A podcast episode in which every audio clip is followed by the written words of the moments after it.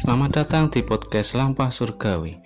Podcast ini berisi renungan firman Tuhan dan doa pagi yang membantu Bapak Ibu Saudara mengawali hari di dalam Tuhan supaya tetap teguh dan kuat di dalam Dia.